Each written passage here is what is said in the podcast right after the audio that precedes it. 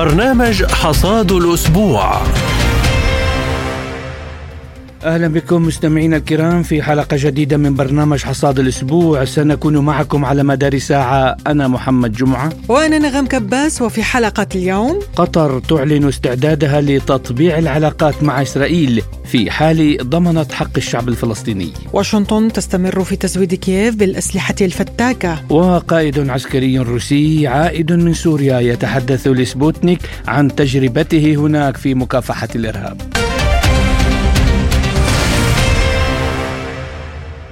نبدأ التفاصيل بالشأن الفلسطيني حيث قال رئيس الوزراء القطري الشيخ محمد بن عبد الرحمن آل ثاني إن المكتب السياسي لحماس في الدوحة أنشئ كوسيلة للتواصل للحركة مع أطراف منها الولايات المتحدة الأمريكية وإسرائيل. وقطر كانت تساهم في ذلك بالتنسيق مع الإدارة الأمريكية وبالتالي فإن مكتب حماس كان موجودا منذ سنوات وحقق الأهداف التي أنشئ من أجلها خلال صراعات عدة حتى أثناء الحرب الجارية كان لذلك دور في صفقة تبادل الاسرى. وبشأن موقف قطر من تطبيع العلاقات مع إسرائيل، أوضح الشيخ محمد بن عبد الرحمن ال ثاني بأن موقف دولة قطر واضح للغاية منذ تسعينيات القرن الماضي واتفاقية أوسلو كنا أول دولة طبعت العلاقات مع إسرائيل عندما كان هناك أمل لإرساء السلام. نود أن تكون لدينا علاقات طبيعية مع الجميع. بما في ذلك إسرائيل ودولة فلسطينية تعيشان جنبا إلى جنب في سلام ووئام والتوصل لاتفاق لا يزال سابقا لأوانه، هناك حاجة إلى مزيد من الوقت والعمل للتوصل إلى اتفاق. لمناقشة هذا الموضوع ينضم إلينا عبر الهاتف من الدوحة أستاذ العلاقات الدولية الدكتور علي الهيل أهلا بك دكتور في برنامج حصاد الأسبوع ونبدأ من تصريحات رئيس الوزراء القطري الشيخ محمد بن عبد الرحمن الثاني حيث قال مستعدون لتطبيع العلاقات مع إسرائيل بشرط احترام مصالح الشعب الفلسطيني هل يمكن أن يدفع هذا برأيك تل أبيب إلى قبول مبادرات السلام؟ هل يمكن الوثوق بإسرائيل آه، بأنها تسعى لحل الدولتين؟ هذا الكلام وليس جديدا ولكنه تكريس لمبادرة 2002 في قمة بيروت التي عرضها الملك عبد الله بن عبد العزيز رحمه الله ملك المملكة العربية السعودية، كل العالم العربي مستعد أن يطبع مع الكيان الصهيوني حسب الشروط التالية، اولا إقامة الدولة الفلسطينية على حدود الرابع من يونيو حزيران 1967 وأن تكون هذه الدولة مستقلة ذات سياده وليست منزوعة السلاح، يعني كلام جو بايدن عندما قال ثمة دول أعضاء في الأمم المتحدة ليست لديها جيوش القضية الفلسطينية والأمر الفلسطيني مختلف تماما. هناك عدو باغ طاغ شرس لا يرحم على مشارف هذه الدولة الفلسطينية المفترضة ذات السيادة. فلا بد أن تكون ليست منزوعة السلاح. هذه نقطة آنسة نغم. ثمة نقطة ثانية مهمة جدا. حل الدولتين بمعنى الدولة الفلسطينية على حدود الرابع من يونيو حزيراء 1967 وأن تكون عاصمتها القدس الشرقية.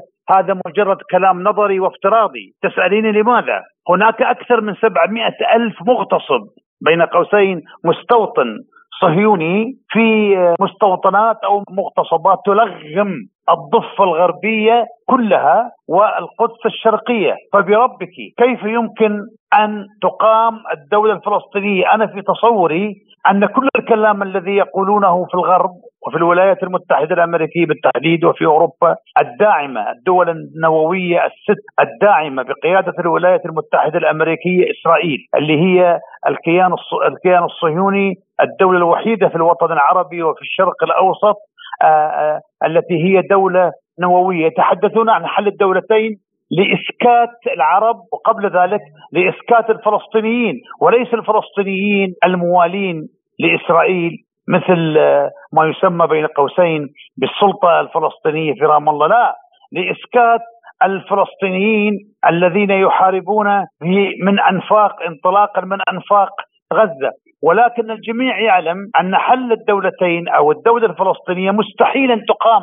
سؤال هل إسرائيل ستقبل أكثر من 700 ألف مغتصب بين قوسين مستوطن إسرائيلي داخل فلسطين المحتلة في داخل إسرائيل؟ طبعا لا أن ذلك سيشكل عبئا اقتصاديا وسياسيا وماليا وعسكريا. يعني يمكن أن تقوم حرب أهلية بين الإسرائيليين اللي موجودين في إسرائيل أصلا وبين هؤلاء المغتصبين الذين هم أكثر من 700 في حدود 760 ألف مغتصب. هذا مستحيل. هل ستعطيهم الولايات المتحدة الأمريكية قطعة أرض في إحدى ولاياتها ومدنها الشاسعة؟ طبعا لا. يعني إسرائيل لا تنوي حل الدولتين ولا البدء بمبادرات سلام على ماذا إذا يعول العرب؟ دكتور إن كانوا يمدون أيادي السلام للطرف الآخر الذي هو يعرقل السلام. ليس فقط يعرقل الطرف الآخر وخاصة الولايات المتحدة الأمريكية رياء سياسي واضح صارخ صريح وقريح أوقفوا تسليح إسرائيل. الطائرات التي تقتل الرضع والخدج والأطفال يا أنتوني بلينكن هي طائرات أمريكية. اف 35 واف 16 الذخائر أمريكية القنابل أمريكية المتفجرات التي ألقيت على غزة أكثر من 100 ألف طن. هذه أمريكية. طيب وماذا بعد؟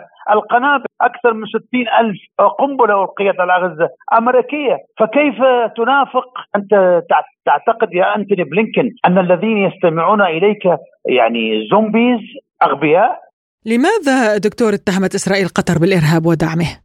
طبيعي. آه، ما المشكلة في أن تدعم قطر حماس وحركات المقاومة؟ نحن نعتبرها حركات تحرر وليس حركات إرهابية. ما المشكلة أن تدعم إيران حماس؟ ما المشكلة أن تدعم بوليفيا وتشيلي وفنزويلا حماس؟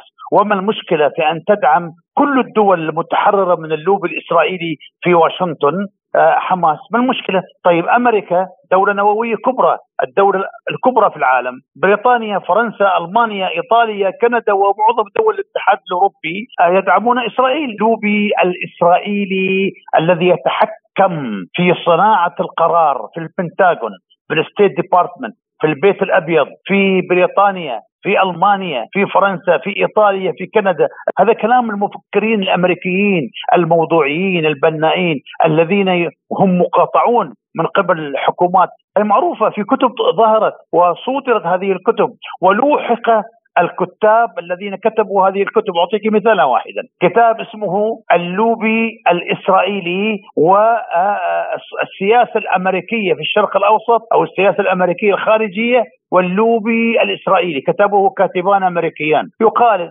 لست متأكدا من المعلومة إنهما يهوديان أمريكيان ولكنهما مناهضان ل Zionism للصهيونية واحد اسمه ستيفن وولت والثاني اسمه جون مرشيمر لوحقا في داخل الولايات المتحدة حتى طرد من عملهما. أين حقوق الإنسان التي يتحدثون فيها؟ في الولايات المتحدة الأمريكية. ثم إنهم يتحدثون أيضا عن المرأة هل تعلمين يا أنسة نغم أي مسؤول أمريكي وأوروبي عندما يزور دولنا وخاصة في الخليج أول ملف يفتحه ملف المرأة وهم يرون أشلاء المرأة الفلسطينية في غزة ها؟ تملا غزة؟ وتسكم العنوف، لماذا لم يتحدثوا عن ملف المرأة في غزة؟ وعن أن اليوم إحنا لدينا أكثر من 140 ألف شخص بين قتيل بين شهيد. وجريح ومفقود. جلهم من الأطفال والرضع والخدج والنساء والمرضى وكبار السن والمدنيين العزل أنتوني بلينكن جاء إلى الدوحة وراح إلى عمان وذهب إلى إسطنبول وذهب إلى القاهرة.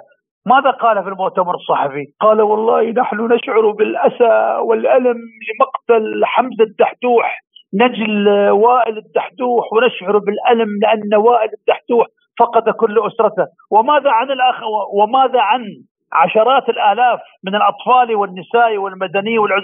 هذا رياسي يا أنا أنا أحس بالإهانة. أنا قلت هذا في قنوات عالمية غربية. أحس بالإهانة. عندما يأتي أنتوني بلينكن ويمثل ويذرف دموع التماسيح. طيب هؤلاء كيف قتلوا يا أنتوني بلينكن؟ قتل قال قتلوا في غزة قتلوا في غزة طيب من قتلهم قتلهم الهواء قتلتهم إسرائيل بالطائرات الأمريكية اف 35 أفادت وسائل الإعلام بأن القوات الجوية الأمريكية في العراق مستعدة للانتشار في حالة القيام بعملية برية في غزة. دكتور ما هي عواقب مثل هذه الخطوة؟ وستنهزم وسأذكرك بهذا الكلام. إذا القوات الأمريكية دخلت إلى غزة فإنها ستنهزم كما ينهزم الجنود الصهاينة كل يوم وأشهر أمثلة كثيرة من ضمنها مثال الشاحنة والعدد الكبير من الجنود الصهاينة الذين قتلوا فيها ناهيك يعني الجرحى وموقعة شرق المغازي التي قتل فيها أكثر من 100 ولكن الصهاينة اعترفوا ب 24 واحد فقط لماذا؟ لأنهم لا يحسبوا مزدوجي الجنسية ولا يحسبوا المرتزقة ولا يحسبوا حسب ظني الفلاشة وإنما يحسبون الجنود الصهاينة اللي من الأصل الأشكنازي وهذه أيضا عنصرية وصهيونية معروفة يمارسها الصهاينة ضد آه، الذين يحملون الجنسية الإسرائيلية في داخل إسرائيل. نعم دكتور أيضا الموساد قدم خطة لإطلاق سراح 35 رهينة مقابل 35 يوما من الهدنة مع حماس ما هو احتمال اعتماد مثل هذه الخطة في ظل عدم وقف إطلاق النار؟ لا يعني هم يريدون أن يأخذوا الأسرى كلهم مو بس ال 35 وبعد ذلك لا يبقى لدى حماس ولا أسير اسرائيلي وبالتالي لن يمكنوا حماس من تبييض السجون الإسرائيلية من آه، أكثر من 12 ألف أسير فلسطيني بينهم نساء وبينهم أطفال وبينهم قصر وبينهم صبية وبينهم من آه، أمضى في السجن بلا محاكمة 30 سنة و40 سنة و35 سنة و25 سنة. هذه نقطة. النقطة الثانية أنا لا آه، أنا شخصيا هذا كلام يصرحون به الأمريكيون ولكن أنا شخصيا لا أظن أن الولايات المتحدة ستدخل إلى غزة لأنها تعرف أن شارون انسحب من غزة لأن غزة أوجعته. وإسحاق رابين الذي قتل في الخليل على يد آه، مستوطن آه، صهيوني قال أتمنى أن أصبح وأرى غزة وقد ابتلعها البحر، ثم أن الأمريكيين عانوا في سنه 81 لو تذكرين في بيروت، قتل منهم أكثر من 320 330 مارينز نخبة الجيش الأمريكي، وقتل من الفرنسيين أكثر من خمسة 85 جندي فرنسي ناهيك عن يعني آلاف المصابين والجرحى والذين يعالجون إلى هذا اليوم بالمناسبة لأنهم لديهم إعاقات ذهنية وإعاقات جسدية وأحد الأمريكيين الناجين ماذا قال؟ قال لا يمكن أن أنسى ابتسامته ذلك الرجل الذي كان وراء مقود الشاحنة ودخل في المعسكر الذي فيه أمريكيون وفرنسيون وقتلهم ثم أن الأمريكيين لا ينسون طياريهم الذين سحلوا سحلا في شوارع مقديشو إبان حكم محمد بديع محمد سربية اللي هو كان الرئيس الصومالي. فأمريكا يعني أخذت دروس قاسية من التدخل البري. فأنا لا أعتقد أنهم يجرؤون على الدخول بريا وهم يعلمون أن هذه الحرب تختلف في غزة تختلف عن الحروب السابقة. لأول مرة منذ تاريخ الصراع في 1948 والفلسطينيون يدخلون إلى جزء بسيط من عمق وطني من المحتل. وفي خلال حرب الساعات الست كما اسميها أنا استطاعوا أن يستعيدوا خلال ست ساعات ولو كان لمدة ست ساعات استطاعوا أن يستردوا 622 كيلو متر مربع من عمق وطنهم المحتل. هم يعرفون الصهاينة أنهم والأمريكيون أن هذه الشبكه شبكة الأنفاق في غزة شبكة عملاقة وشبكة غريبة ولا يستطيعون وال وال وال وال بالمناسبة يعني الفلسطينيون أبو حمزة بن أبو حمزة أو بن خلال أبو عبيد يقولون لو فتشوا في رمال غزة ذرة ذرة لن يستردوا أسيرا واحدا إلا بشروط المقاومة، هذا يعني أن المقاومة دارسة العقل الصهيوني، بالمناسبة هذه الحرب بالذات انسه نغم حرب عقول تفوقت فيه المقاومة في تقنيات كثيرة من ضمنها تقنيات التشويش والاستحواذ وإسقاط الطائرات المسيرة الإسرائيلية وأيضا من ناحية التصنيع. يعني الآن أكثر شيء يغيظ الأمريكيين والبريطانيين وحلفائهم والإسرائيليين هو أن كيف هؤلاء استطاعوا أن يصنعوا أسلحتهم في الأنفاق. وأسلحة بسيطة استطاعت أن تدمر حتى الآن 1220 آلية. بين دبابة مركافة وجرافة دي 9 ونمر حاملة الجنود. هم الآن مستغربين ولذلك هم هذا شيء يغيظهم لأنهم لا يريدون من العربي ومن المسلم أن أن يصنع أو أن يزرع. أستاذ العلاقات الدولية الدكتور علي الهيل كنت معنا ضيفا عزيزا عبر الهاتف من الدوحة. شكرا لكم على هذه المداخلة. وإلى الشأن الأوكراني حيث أكد السفير الروسي لدى واشنطن أناتولي أناتونوف أن تسليم الولايات المتحدة كييف قنابل موجهة يتعارض مع أي تصريحات أمريكية حول رغبة واشنطن في التوصل إلى حل سريع للنزاع في أوكرانيا. بل تشير تصرفات الإدارة الأمريكية إلى إطالة أمد احتضار نظام كييف حتى لو كان ذلك يعني وقوع خسائر جديدة بين المدنيين في روسيا وأوكرانيا. ووصف أنطونوف تحرك السلطات الأمريكية بأنه نوع من رد الفعل على الهجوم الإرهابي الذي شنه البلطجية الأوكرانيون الذين أسقطوا مؤخرا طائرة الأسرى الأوكرانيين الروسية بصواريخ باتريوت الأمريكية. للحديث أكثر عن هذا الموضوع وعن آخر تطورات الحرب في أوكرانيا ينضم إلينا من القاهرة الخبير بالعلاقات الدولية والأمريكية الدكتور محمد السيد أحمد. أهلا بك دكتور محمد في برنامج حصاد الأسبوع وأبدأ معك من تأكيد السفير الروسي لدى واشنطن أناتولي أنطونوف بأن تسليم الولايات المتحدة كييف قنابل موجهة يتعارض مع أي تصريحات أمريكية حول رغبة واشنطن في حل الأزمة الأوكرانية. دكتور هل يعني هذا أن واشنطن ستستمر في تزويد كييف بالأسلحة الفتاكة التي سيستخدمها النازيون الجدد الأوكرانيون لمهاجمة الأراضي الروسية؟ طبعا يعني خلينا نؤكد على فكرة مهمة وهي إنه آه الأصيل في الحرب يعني التي تدار على الأرض الأوكرانية الأصيل فيها هي الولايات المتحدة الأمريكية في مواجهة روسيا وليس آه أوكرانيا، أوكرانيا آه يعني بتنفذ أجندتها بالوكالة أو بتقوم بحرب بالوكالة لصالح الأمريكي.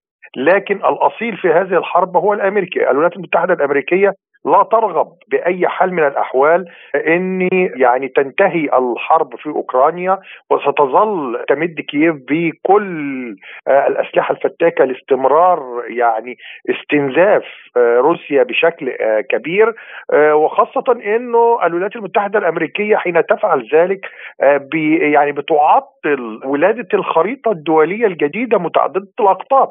هي ترى إن روسيا والصين كانوا بيهددوها بشكل مباشر وطبعا روسيا هي الأساس بتهدد يعني دورها على المستوى الدولي وبترسم خريطة دولية جديدة فيها منافسة لفكرة القطب الأوحد، الولايات المتحدة الأمريكية ترغب أن تستمر كقطب أوحد وبالتالي يعني يعني تشعل النيران حول العالم. وبإشعالها للنيران تظل هي متصدرة للمشهد ليس فقط في أوكرانيا ولكن في أماكن كثيرة حول غيرها الحرب في غزة التي خطفت بها كل الأنظار من يعني الدور الذي تلعبه روسيا والصين على المستوى الدولي. عشان كده يعني الولايات المتحدة الأمريكية ستظل تدعم يعني نظام كييف وتدعم كل ما يجعلها منفردة على الساحة الدولية وصاحبة الكلمة العليا باعتبارها قطب أوحد للعالم وهذا يعطل مشروع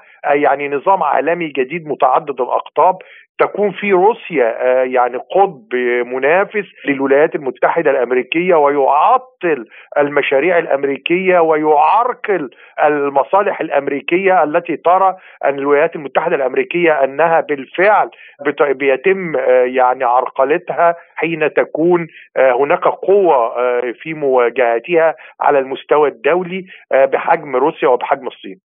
التحقيقات وأيضا بوتين قال إن الطائرة تم إسقاطها من منظومة باتريوت الأمريكية.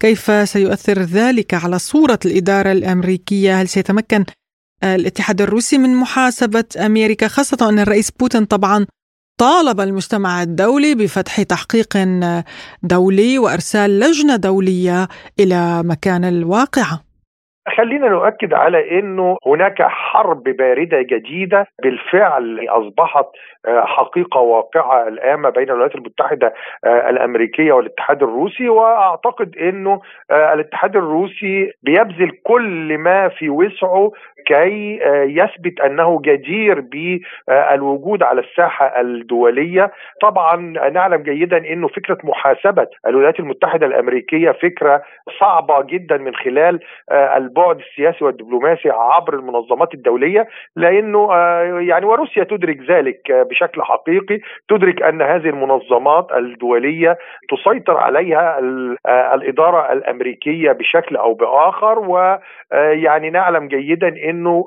القرارات داخل هذه المنظمات ليست حاسمة ولا تستطيع أن تعاقب أحد.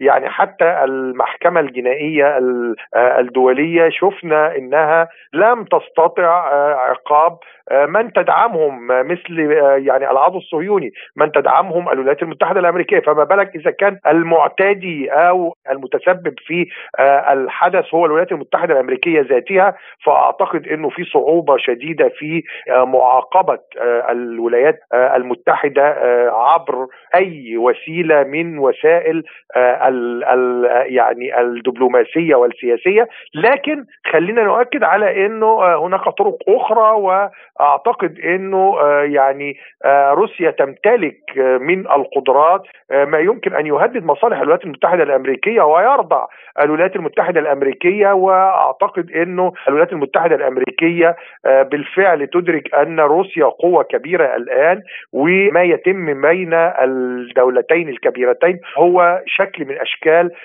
الحرب الباردة على غرار الحرب الباردة التي جاءت في أعقاب الحرب العالمية الثانية والتي استمرت يعني ما بين الولايات المتحدة الأمريكية والاتحاد السوفيتي حتى انهيار الاتحاد السوفيتي في مطلع تسعينيات القرن العشرين.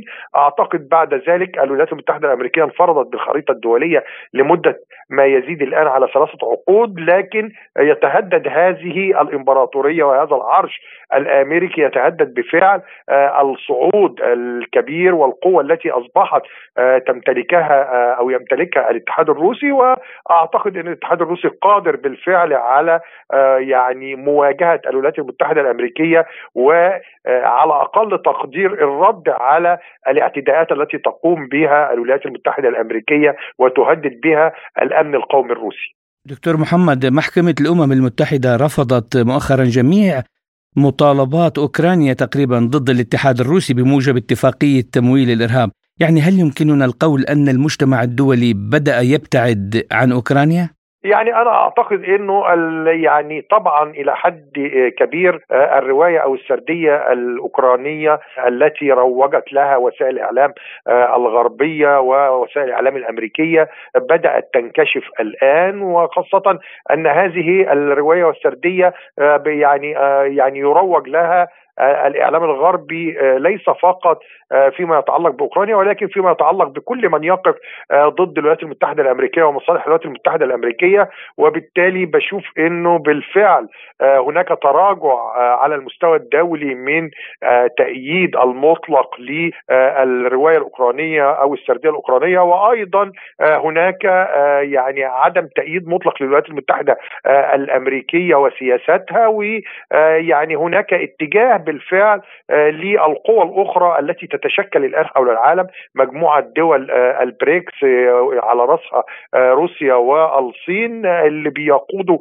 تحالف جديد على المستوى الدولي يقف في مواجهة التحالف الغربي اللي بتقوده الولايات المتحدة الأمريكية. وأعتقد إنه بالفعل يعني نجحت روسيا والصين في استقطاب عدد كبير من يعني دول العالم. وأصبح بالفعل يعني التأييد المطلق للولايات المتحدة الأمريكية ولكل ما تدعمه أو القضايا التي تدعمها الولايات المتحدة الأمريكية ومنها القضية الأوكرانية أعتقد إنه في تراجع إلى حد كبير على المستوى الدولي في يعني تأييد هذا الموقف الأمريكي وتأييد هذه الرواية الأوكرانية التي كانت تدعي مظلومية في حين أنها كانت بالفعل تستخدم لتهديد الأمن القومي الروسي. يعني بالانتقال إلى الإمارات وما ساهمت به بتبادل الأسرى روسيا ممتنة طبعا للإمارات في مساعدتها بهذه الخطوة، ما هو احتمال أن تصبح أبو ظبي أم منصة للمفاوضات بين موسكو وكييف؟ طبعا بنشوف إنه ده دور مهم بتلعبه واحدة من الدول العربية الناشئة أو الصاعدة. مهم جدا على المستوى الدولي. طبعا يعني بيتم تقدير هذا. ونعلم جيدا إنه يعني الإمارات كانت في يوم ما أحد أهم الدول في منطقة الشرق الأوسط الداعمة للولايات المتحدة الأمريكية. يعني تراجع هذا الدور ولعب أدوار أخرى متوازنة ودخولها لمجموعة دول البريكس. بدءا من بداية هذا العام أعتقد إنه بيجعل يعني الإمارات أحد أهم المنصات التي يمكن أن تلعب دورا على المستوى الدولي في الوساطات الدولية لتحقيق يعني يعني نوع من أنواع المصالحة أو حتى تخفيف يعني قدر الأعباء التي يمكن أن تمارس في هذا الإطار خاصة لعب دور الوساطة على مستوى تبادل اسرى أو على تبادل تهدئة الأوضاع. هذا دور مهم وأعتقد إنه يعني روسيا دائما ما تقدر من يلعب ادوارا ايجابيه معها على عكس الأمريكي الذي يستخدم دائما يعني حلفائه ثم يقوم بالتضحية بهم إذا تعارضت مصالحه معه. الخبير بالعلاقات الدولية والأمريكية الدكتور محمد السيد أحمد كنت معنا في برنامج حصاد الأسبوع شكرا لكم.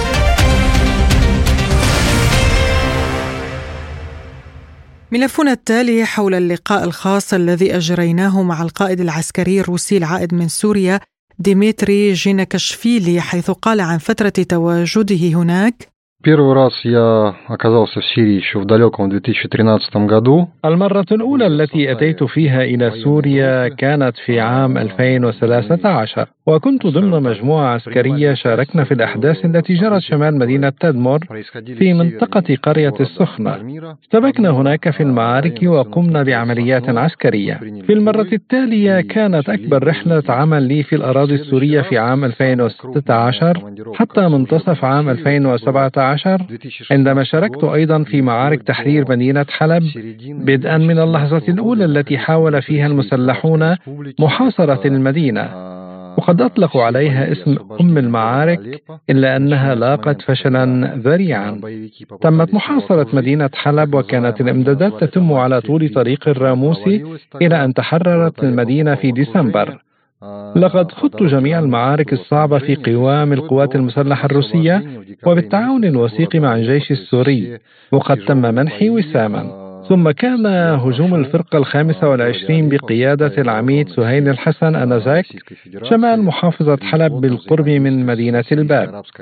وخلال رحلة العمل أيضا قمت بزيارة مدينة دير الزور المحاصرة والتقيت بالمرحوم عصام زهر الدين الذي عرفته رجلا عظيما ومحاربا شجاعا.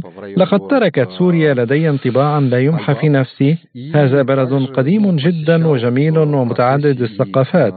أستطيع أن أقول إنه بمجرد انتهاء الصراع في أوكرانيا ستكون سوريا واحدة من تلك البلدان التي سأعود إليها بكل سرور ليس فقط كرجل عسكري ولكن أيضا كسائح. لأزور حلب وقلعتها الرائعة وسأذهب إلى اللاذقية أيضا وإلى مناطق أخرى من الجمهورية العربية السورية. وعن كيفية مساعدة روسيا لسوريا في مكافحة الإرهاب أضاف ديمتري يقول Тот период был крайне тяжелый для сирийской арабской армии, очень большие потери она понесла. كانت تلك الفترة صعبة للغاية بالنسبة للجيش السوري، حيث تكبد خسائر فادحة للغاية، وكانت العديد من المناطق تحت سيطرة المسلحين. وفي لحظة حرجة جاء الاتحاد الروسي للإنقاذ بصفة مستشارين ومساعدين وطيران، وبعد ذلك الوحدة البرية التي تم نشرها في سوريا. ومن الواضح أن العبء الرئيسي كان على عاتق جنود الجيش السوري وقوات الحرس ووحدات أخرى. لكننا كنا موجودين دائما معهم حيث كنا نقوم بتنفيذ المهام معا وكانت المساعدة متبادلة. لقد كان هذا تفاعلا سليما وناضجا بين القوات المسلحة. وقال ديمتري إن أصعب لحظة بالنسبة له كانت تفجير مشفى التوليد في حلب ومقتل عشرات الأطفال الأبرياء. Ну, в самой тяжелой ситуации это всегда это работа с ранеными. أصعب موقف مررت به هو عندما كنت أتعامل مع الجرحى. أتذكر جيدا عندما تعرض مشفى التوليد في مدينة حلب لأضرار بالغة جراء قصفه بقذائف من أسطوانات الغاز. لقد كان يوما صعبا عندما كانوا الضحايا هم من الأطفال الصغار. إن أصعب شيء عندما يكون التعامل مع الجرحى المدنيين وخاصة الأطفال الرضع والصغار الذين تعرضوا لهجوم إجرامي من المسلحين كان هذا هو اليوم الأكثر صعوبة ويتذكر أهالي حلب هذا الأمر جيدا وهو من أكثر الأيام المؤلمة في تاريخ المدينة. وجه ديمتري في نهاية اللقاء كلمة امتنان للشعب السوري قال فيها أنا ممتن للشعب السوري لأنه سمح لي أن أتعرف على جزء من تاريخه العريق في الجمهورية العربية السورية. حيث زرت مدينة تدمر التاريخية ومدينة حلب القديمة وقلعتها. أنا ممتن للسوريين على كل الأيام التي قضيتها هناك ومن دواعي سروري أن أزورها مرة أخرى وأتجول في شوارعها القديمة والعريقة وأشرب القهوة العربية ذات المذاق الحقيقي.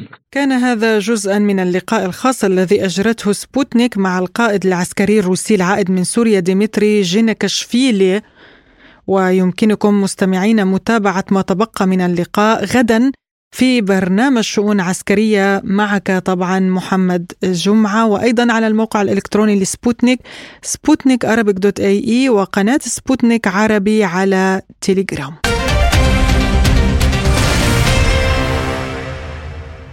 وفي ملفنا التالي أعلنت كل من إيطاليا وكندا وأستراليا تعليق تمويلها لوكالة غوث وتشغيل اللاجئين فلسطينيين.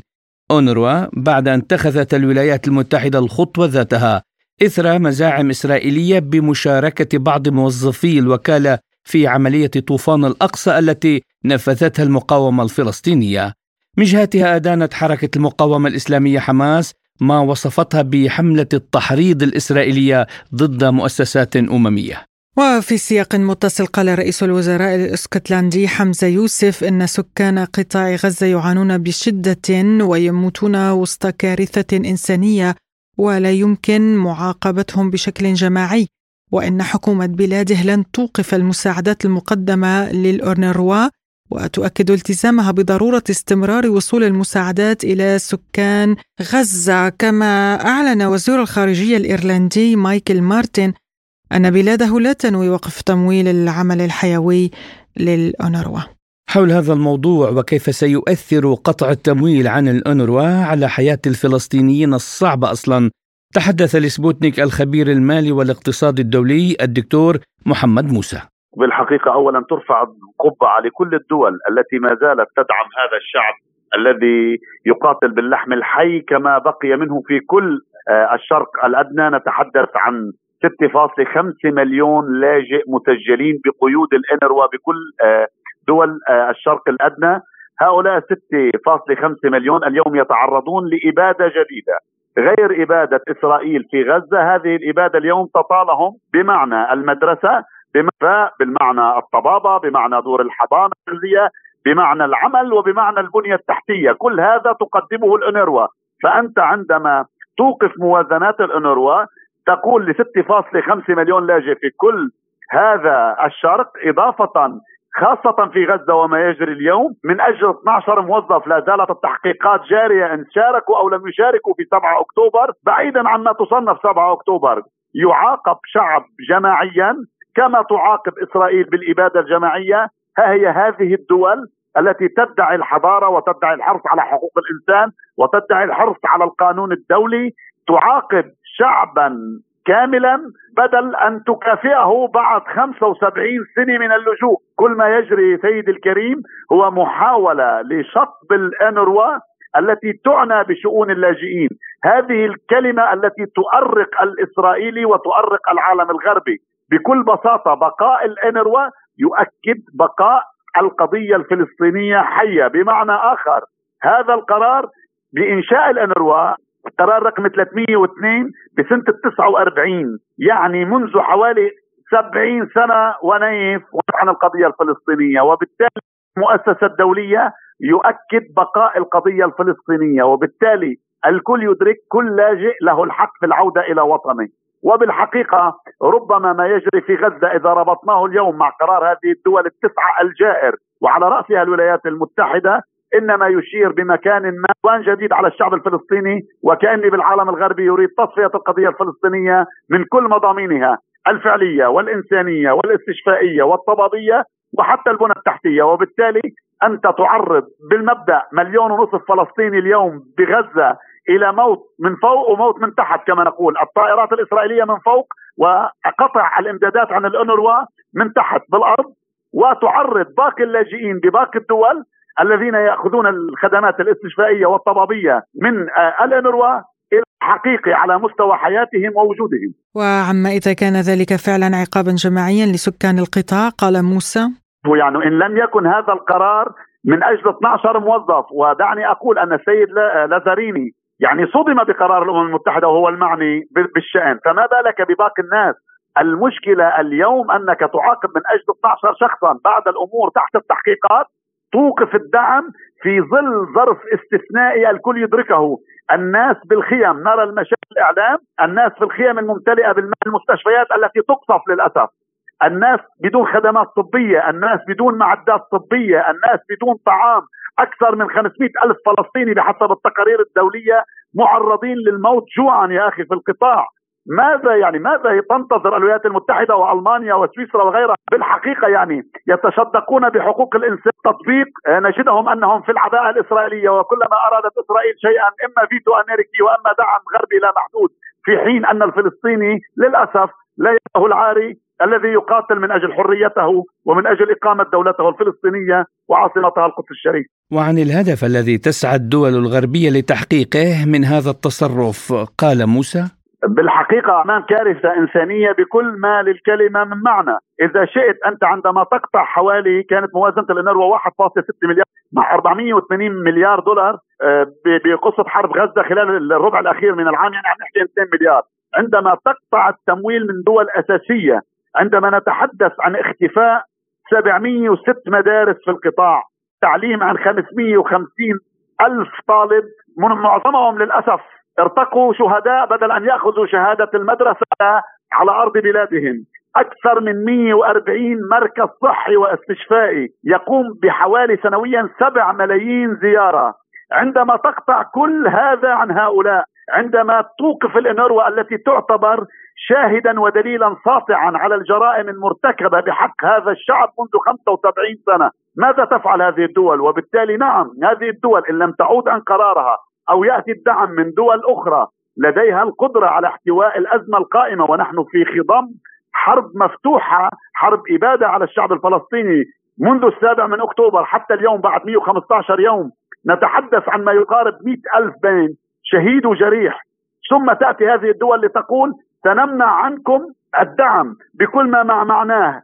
الغذائي والتدريسي نعم بكل المقاييس نحن أغنياء. وللأسف حتى الساعة المجتمع الدولي لا يستطيع وقف إطلاق النار ولا قائد حملة تشويه إسرائيلية من أجل 12 موظف ما زالوا تحت التحقيق نعاقب جماعيا مليون ونصف فلسطيني. وعما إذا كانت الدول التي ترفض التمويل تحاول القضاء على مشكلة اللاجئين بهذه الطريقة أضاف موسى الولايات المتحدة الآن حروب متنقلة من أجل إسرائيل وعيون إسرائيل. تخوض حرب المباشر عبر إرسال كل الأسلحة عبر سفنها جسر جوي وجسر بري وجسر بحري من أجل قصف أولاد فلسطين وربما قصف لبنان فيما بعد بتوسيع العدوان. تخوض حرب قائمة في المضائق المائية في البحر الأحمر. تخوض حرب اليوم على الحدود على المفترق العراق وسوريا وكل هذا ألمانيا بعقدها المتنقلة منذ أزمات ال 45 وما جرى من الهولوكوست. تريد أن تصفي هولوكوست جديدة على حساب الفلسطينيين. للأسف كل هذا بمكان ما لخطب ود إسرائيل عبر شطب قضية اللاجئين. وللمفارقة قضية اللاجئين لا تعني الفلسطينيين وحدهم. قضية اللاجئين تعتبر قضية أمن قومي أساسي في لبنان على المستوى الديموغرافي في سوريا في الأردن وفي العديد من الدول. وبالتالي قرار شطب ال 99 الصادر عن أعلى هيئة أممية بنسف الحقوق الفلسطينية هذا من يعتقد أنه يستطيع من خلال تارة بالقصف الجوي وبالعدوان الجوي والبري والبحري المدفعي وتارة بالعدوان بحجب الأموال أنه يستطيع القضاء الفلسطيني أعتقد أنه واهم. هذا الشعب بعد 75 سنة لا زال مصر على حقوقه المشروعة والتي تكفلها شرعة حقوق الإنسان وتكفلها القرارات الدولية ولكن للأسف كل هذه الدول تخطب ود إسرائيل وللأسف ما زالت إسرائيل دولة فوق القانون.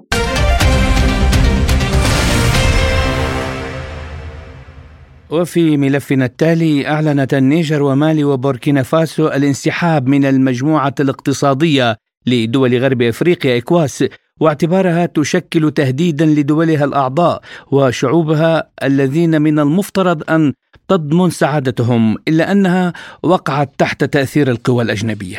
حول هذا الموضوع قال لسبوتنيك الباحث في الشأن الإفريقي الدكتور رامي زهدي آه، يعني بالتأكيد الوضع حاسم آه، تأثيره آه، على المجموعة أنها لم تعد مجموعة أو أنها تفقد قوامها الأساسي وكان طبيعي جدا أن هذه الدول الثلاثة بعد هذه العدائية ما بينها وبين إدارة المجموعة أن تخرج في هذا التوقيت لأنها لم تستشعر ابدا أن المجموعة تعمل لصالح الدول العضوه بها ولكنها كانت توجه طوال الوقت من حلفاء بيون لعدد من الدول في المجموعة.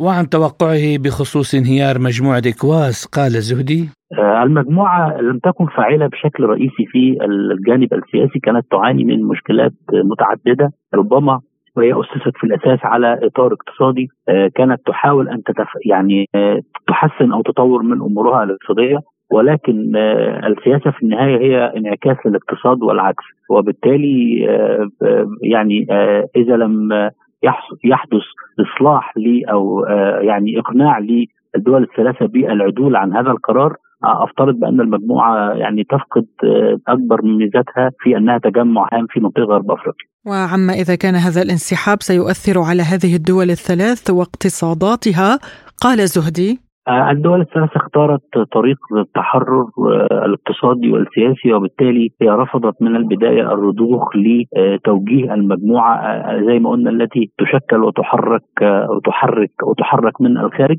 وبالتالي هي أكيد دول تقبل هذا التأثير سواء كان اقتصادي أو سياسي لأنها اختارت طريق هو الأصعب ولكن هو الأصح من وجهة نظرها بأنها تتحرر أو تعمل من أجل اراده شعوبها وإطار الحرية وأن وأن تستطيع هذه الدول أن تختار حلفائها آه، بما يتفق مع مصلحتها وليس مع مصلحة المجموعة أو توجهاتها. وعن فشل المجموعة في مكافحة الإرهاب وتدهور الوضع الإنساني قال الزهدي آه بالتأكيد والحقيقة هي فشل المجموعة مش غريب عن مجموعات ثانية بتعاني نفس الأزمة ربما في في الشرق القارة هنلاقي الإيجاد بتخرج منها آه، السودان أو بتعلن عن خروجها بعد ما وجدت عدم آه، مصداقية أو عدم عدالة وبالتالي هنا انتشر الإرهاب وهنا انتشر الإرهاب وبالتالي المجموعات التي تؤسس من أجل حياة اقتصادية أفضل لمواطنيها إذا فشلت في تحقيق الأمن والسلم وكانت سببا لزيادة الصراعات والإرهاب آه، بالتأكيد هذه علامة فشل لهذه المجموعات.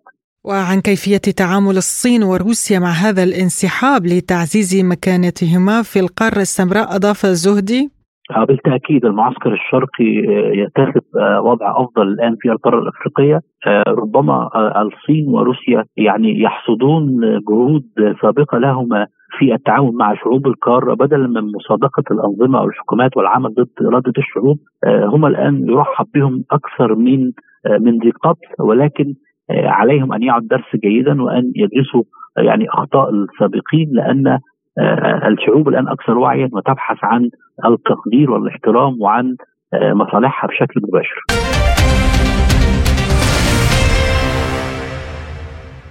وإلى الولايات المتحدة تحديدا إلى ولاية تكساس التي تتزايد فيها الدعوات لإعلان استقلالها عن الولايات المتحدة الأمريكية بعد قرار المحكمة العليا بالانحياز إلى إدارة جو بايدن بشأن نزاع حول الجدار الحدودي. وعلى خلفية هذا الموضوع تقترب أمريكا من أزمة دستورية تاريخية أكثر مما كانت عليه منذ سنوات وذلك على خلفية الأحداث في ولاية تكساس حيث وصف حاكم الولاية ورئيس جمعية الحكام الديمقراطيين الأزمة التي أثارها الحكام الجمهوريون بأنها مشينة وأن أمريكا لديها وضع حدودي يحتاج إلى إصلاح. حول هذا الموضوع قال الباحث في الشأن الأمريكي الدكتور كمال الزغول. تحياتي لكم ولجمهوركم الكريم. في البداية يعني من المبكر الحديث عن حرب أهلية في الولايات المتحدة الأمريكية أو انفصال ولاية تكساس عن الولايات المتحدة الأمريكية لأن القضية تتعلق في الأموال التي صرفها الكونغرس بمقدار ما يقارب 10 مليار دولار في عهد الرئيس السابق دونالد ترامب. والذي يعني لم يطبقها جو بايدن في إدارته الحالية واقتطع منها لبناء مشاريع أخرى. وبالتالي الآن هي هي مسألة ضغط الآن باتجاه استرجاع هذه الأموال وأيضا أتت على نغم الانتخابات الأمريكية الداخلية.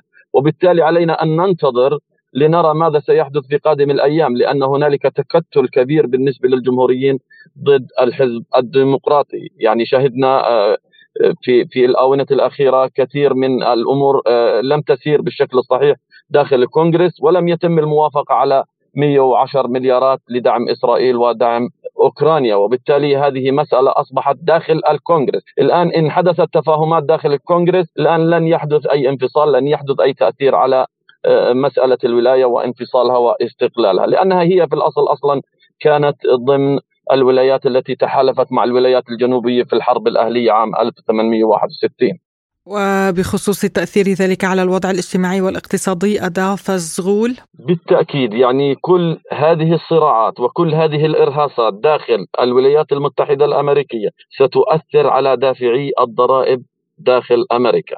لأن يعني المشاركة في حروب خارجية وتبني سياسة خارجية غير صائبة خارج الولايات المتحدة الأمريكية أثر على الوضع الاجتماعي داخل الولايات المتحدة الأمريكية وخاصة على المواطن الأمريكي في كافة الولايات، وبالتالي الآن يعني لا يمكن الاستمرار في هذه الحروب على الإطلاق ولا يمكن الاستمرار لدفع لدفع الدولارات لشركات السلاح من أجل إنتاج ذخائر ترسل إلى الخارج خاصة في الشرق الأوسط أو إلى شرق أوروبا أو إلى المحيط الهادئ. ولذلك يعني الآن أصبح من الواضح أن السياسة الخارجية الأمريكية وسياسة القطبية الواحدة الآن التي تبحث عنها وسياسة التحالفات هي ستؤثر حتما على الداخل الأمريكي وستؤثر على آه، يعني رواتب الموظفين آه، الأمريكيين وعلى المواطنين في قادم الأيام. لكن لا نعرف ماذا سيجري في قادم الأيام لأن المنافسة شديدة بين الرئيس السابق ترامب والرئيس الحالي بايدن ولا نستطيع التنبؤ. وإن نجح أحدهما أعتقد بأنه سيكون نجاح سلبي على الولايات المتحدة الأمريكية لأن كثير من آه، الأصوات تغيب عن التصويت للطرفين وبالتالي الآن آه، المستقلين سيؤثرون بشكل كبير سواء غابوا عن التصويت أم حضروا سيؤثرون بنجاح احدهما وبالتالي سيكون نجاح سلبي على الولايات المتحدة الأمريكية. وبدوره قال الباحث بالشأن الأمريكي إيميل أمين إن أزمة تكساس قد تتطور إلى حرب أهلية.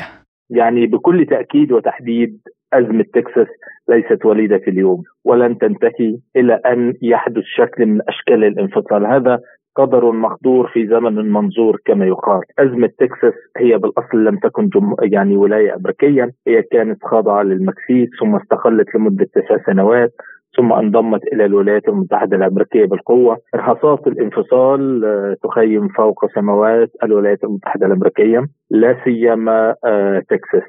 حاكم تكساس جريج أبوت يريد حماية ولايته من آه، المهاجرين غير الشرعيين، في هذا السياق هناك إشكالية أيضا ديموغرافية تتعلق بتوازنات الأعراق في الداخل الأمريكي. مخاوف الرجل الأبيض من أن يصير اقليه لهذا آه، لم يكن جريك أبوت لوحده ولكن 25 حاكم ولاية أعلنوا آه، تضامنهم معه. وربما البعض منهم فكر أو يفكر أو سيفكر في إرسال آه، قوات حرس وطني. سمعنا بالأمس عن سلاسل من التيارات المدنية المسلحة تحت اسم جيش الله تتحرك ناحية تكساس. كل هذا يعني يعطينا إشارات إلى أن هناك موقف يعني محتدم.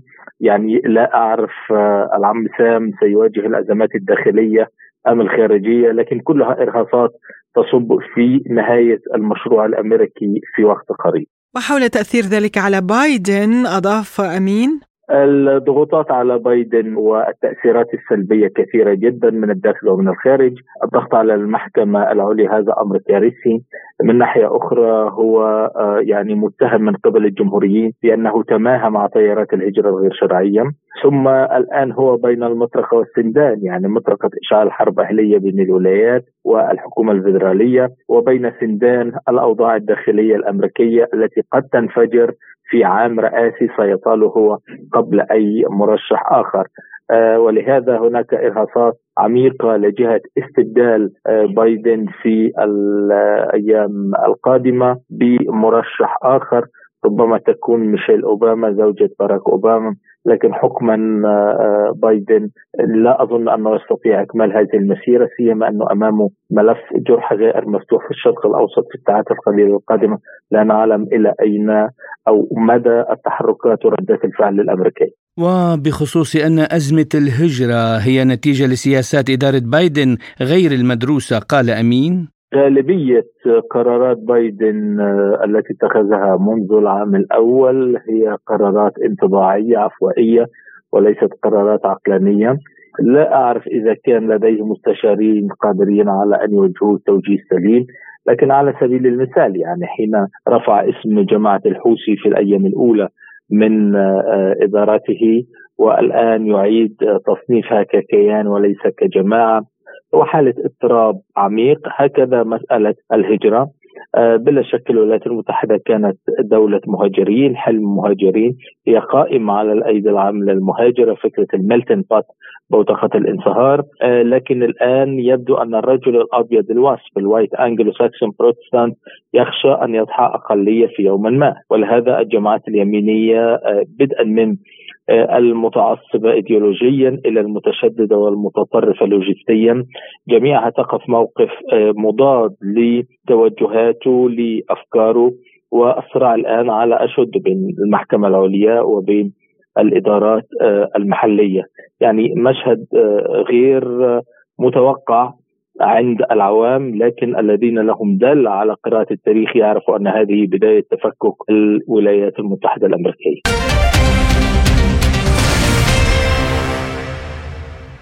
وفي ملفنا الأخير لهذه الحلقة من حصاد الأسبوع أفاد الاتحاد الوطني لنقابات العمال الزراعية في فرنسا بأن أكثر من 72 ألف مزارع في البلاد خرجوا باحتجاجات واسعة النطاق بسبب عدم الرضا عن سياسة الحكومة مستخدمين أكثر من 41 ألف جرار زراعي. وتوسعت الاحتجاجات لتشمل دول أخرى من أوروبا مثل إسبانيا فحسب ما قالته النقابات العمالية فإن القطاع الزراعي في أوروبا وإسبانيا على وجه الخصوص يواجه بيروقراطية خانقة خلقها الاتحاد الأوروبي. حول هذا الموضوع قال الباحث بالشأن الأوروبي الأستاذ نزار الجليدي حقوق الاتحاد الأوروبي لا تنتهي فبعد أزمات كبيرة في الاقتصاد والمال والأعمال رجع الجميع الآن إلى السؤال الأهم من أين تؤكل؟ من أين تؤكل الكتف؟ كيف لأوروبا أن تضمن لنفسها على الأقل أمنها الغذائي؟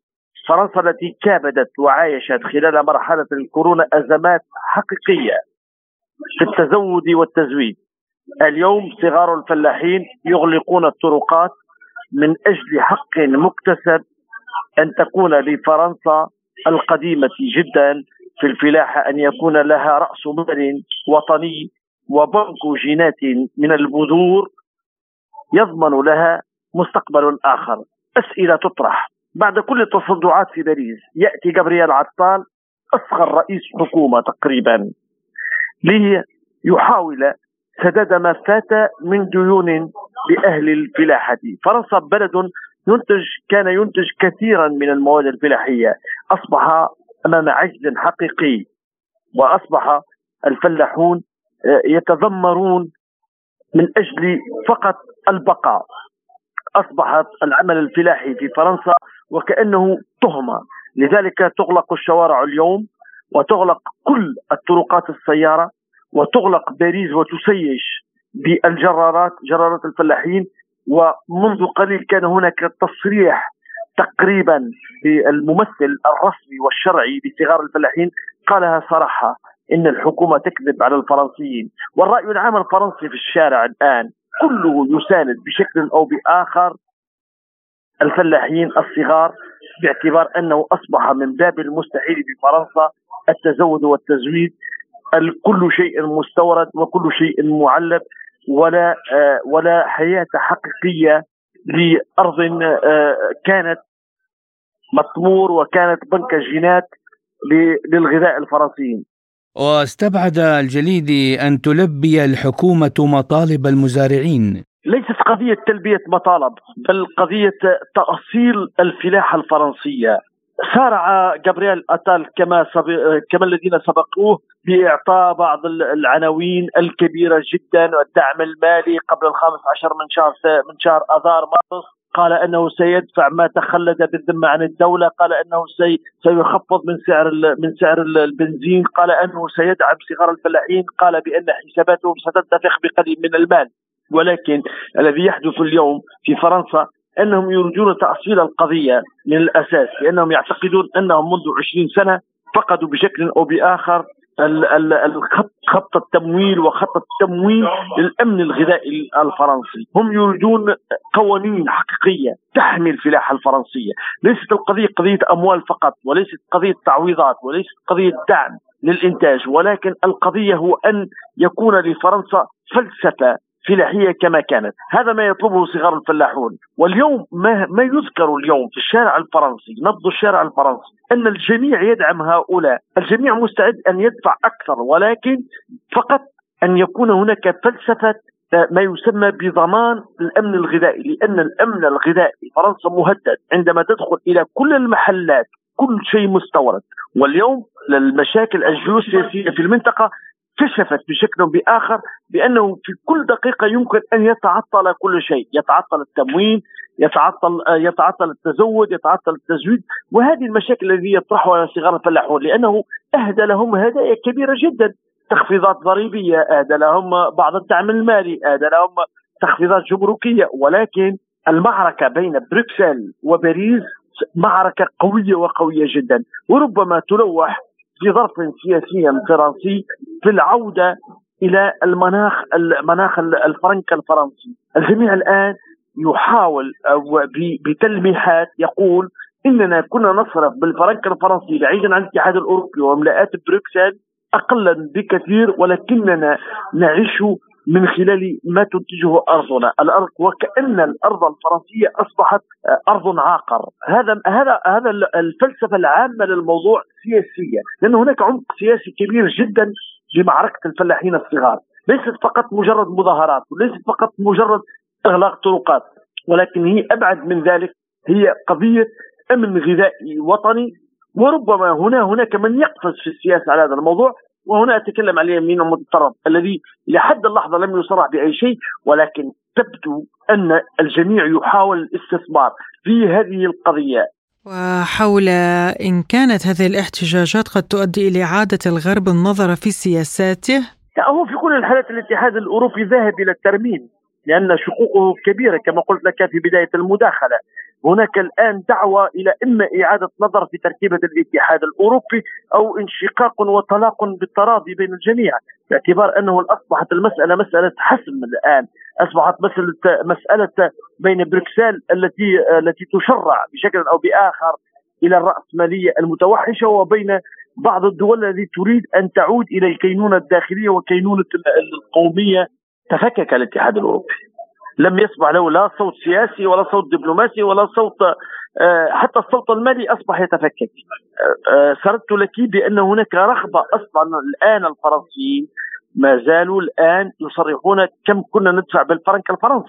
وهذا ما وهذا ما يخلق ما يخلق ما يخلق حوار جديد سياسي مجتمعي في فرنسا.